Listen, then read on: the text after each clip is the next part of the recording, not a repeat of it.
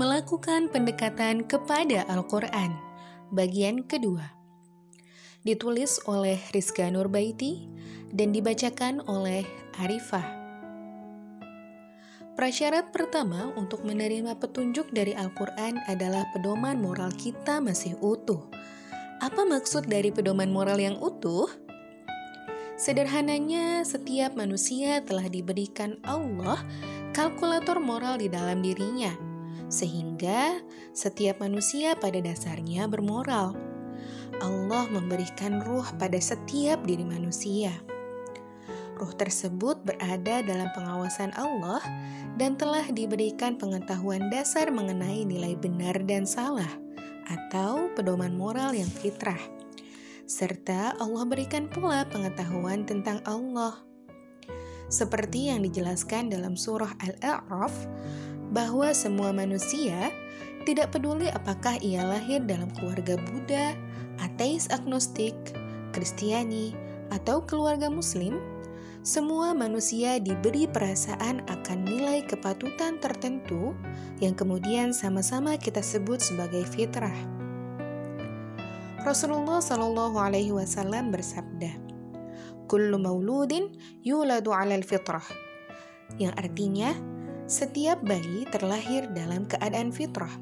Hadis riwayat Imam Ahmad nomor 7387. Sebagai contoh, seorang laki-laki yang bukan muslim ketika dia melihat ada orang yang dipukuli di jalan, maka ia akan menganggap perbuatan sang pemukul tersebut adalah perbuatan yang salah. Sama halnya, setiap orang juga akan menganggap bahwa mencuri hak orang lain adalah salah, dan menghina orang lain pun juga salah. Setiap manusia memiliki rasa keadilan di dalam hatinya. Rasa itu tidak datang dari budaya, agama, dan bukan pula dari pengasuhan karena setiap orang memiliki rasa keadilan atau kepatutan dasar yang sama, walaupun mereka berbeda budaya dan agama. Setiap orang juga tidak menyukai kebohongan, walaupun dia juga pernah berbohong. Jika kita menanyakan kepada mereka, apakah berbohong itu adalah perbuatan yang salah? Kemungkinan mereka akan menjawab Ya, berbohong itu adalah perbuatan yang salah. Nah, jawaban tersebut menunjukkan bahwa nilai-nilai kepatutan tersebut masih ada pada dirinya. Artinya, ia masih memiliki pedoman moral yang fitrah, atau masih ada sebagian dari fitrah yang masih hidup di dalam hatinya.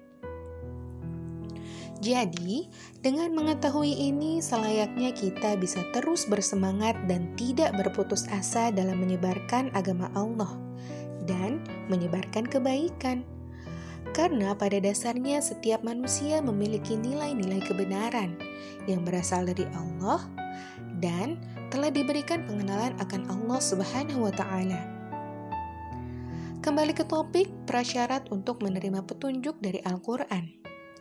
Ustadz Noman Alihan menuliskan pada handout materi Approach of the Quran yang ia berikan, Poin pertama yang Ustadz Noman tulis adalah prasyarat untuk menerima petunjuk Qurani bagi orang yang beriman.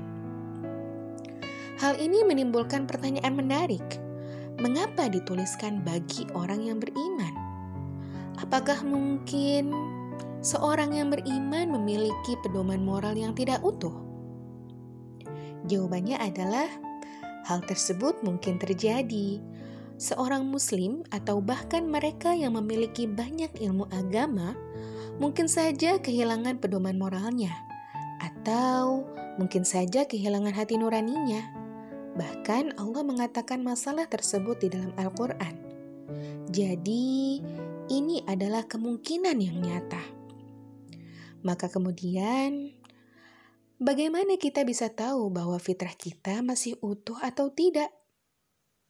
Nantikan kelanjutannya di episode yang akan datang.